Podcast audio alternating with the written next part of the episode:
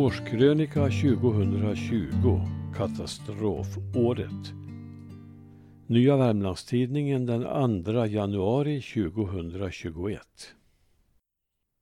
Katastrofår låter hårt men kan 2020 beskrivas på ett bättre sätt.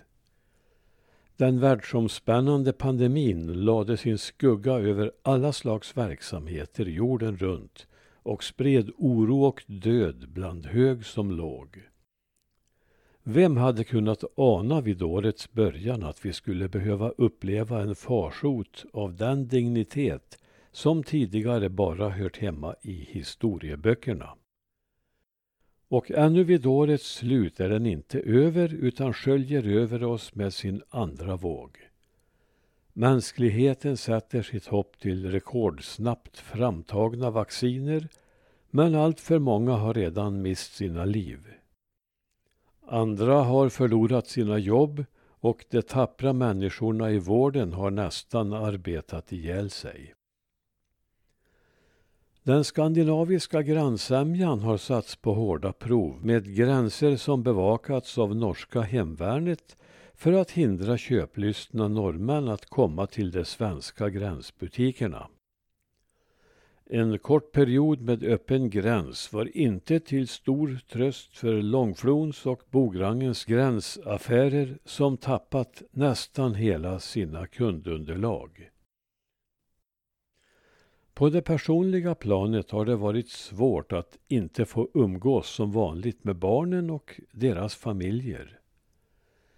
Träffas utomhus på lite avstånd har fungerat skapligt under sommaren. Vår ytterdörr har sedan i mars varit stängd för besökare.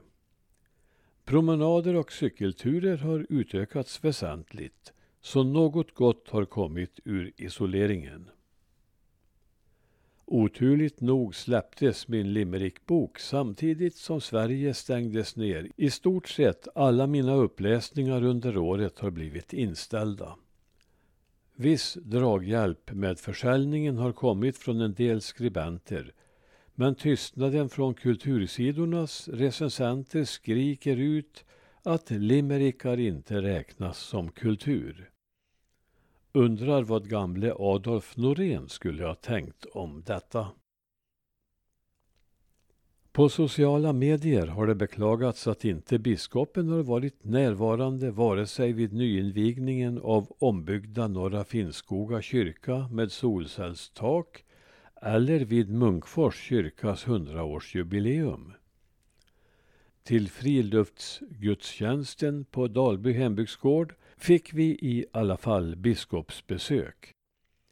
Biskopen kom diskret in i partytältet och deltog med oss andra i bön, psalmsång och efterföljande samspråk till kaffe och frasvåffla.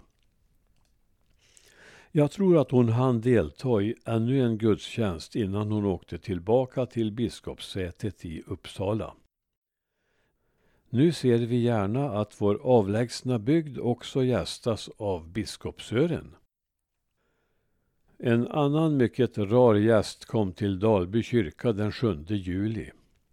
Kantor Kjell Inge Midskogen skulle just börja sin orgelkonsert klockan 12 den vackra högsommardagen.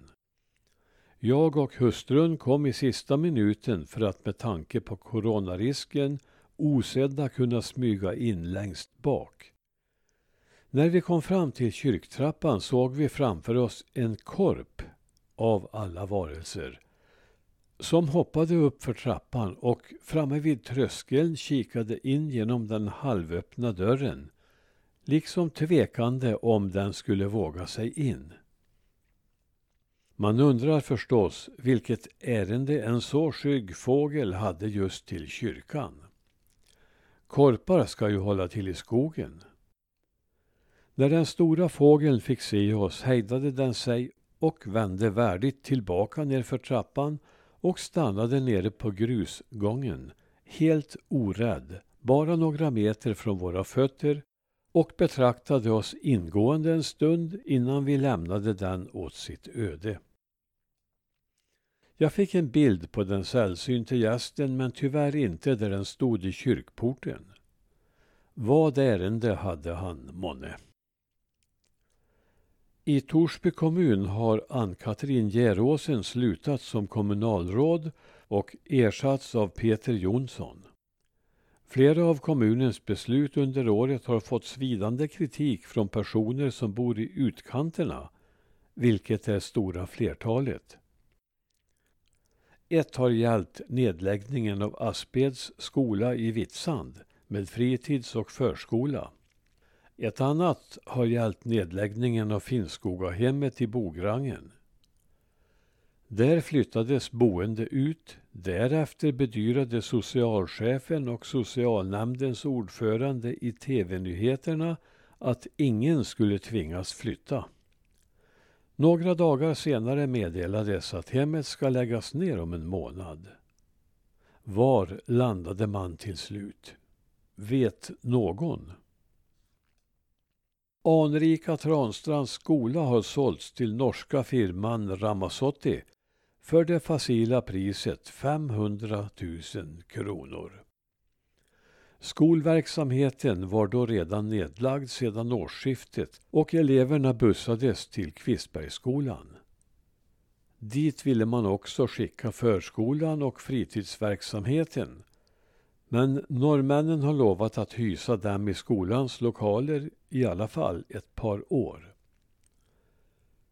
Samtidigt kommer ett förslag om ny skola i Sysslebäck. Varför utnyttjade man inte den gedigna Transtrandsskolan istället för att sälja? Kanske som högstadieskola? Nu finns inte mycket kvar att lägga ner, om det kan vara en tröst.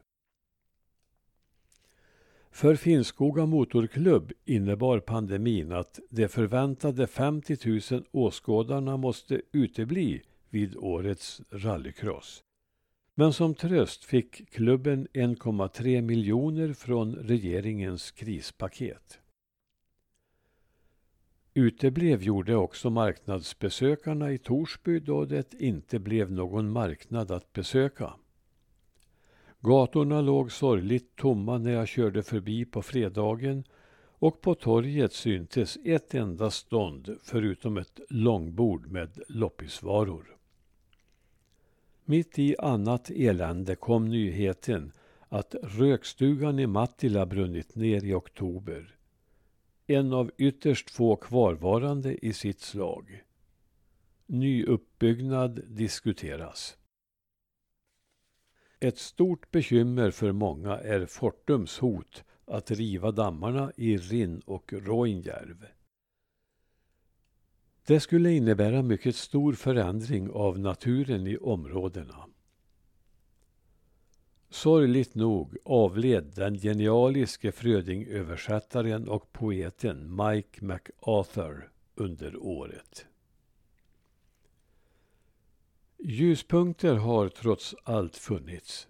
I Torsby inrättades ett statligt servicekontor där Arbetsförmedlingen, Försäkringskassan, Pensionsmyndigheten och Skatteverket kan serva allmänheten. Vägen Brannäs-Möre fick en välbehövlig upprustning med breddning, räcken och nytt asfalttäcke och den 11 kilometer långa vägen från dalen upp till Långberget förvandlades till ett avlångt salsgolv. Men 62ans lagning av den nylagda asfalten mellan Ransby och Likenäs fick lappas om och är ännu inte bra. I Brannäs storsatsas det trots pandemin.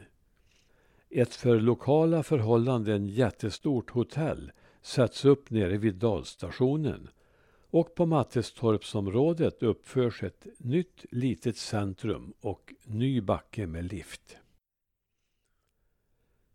Filmpremiär fick vi vara med om när Anders Bergs och Jonny Stens film om Näckåns Energi AB visades i Ambjörby och på Stjärnan.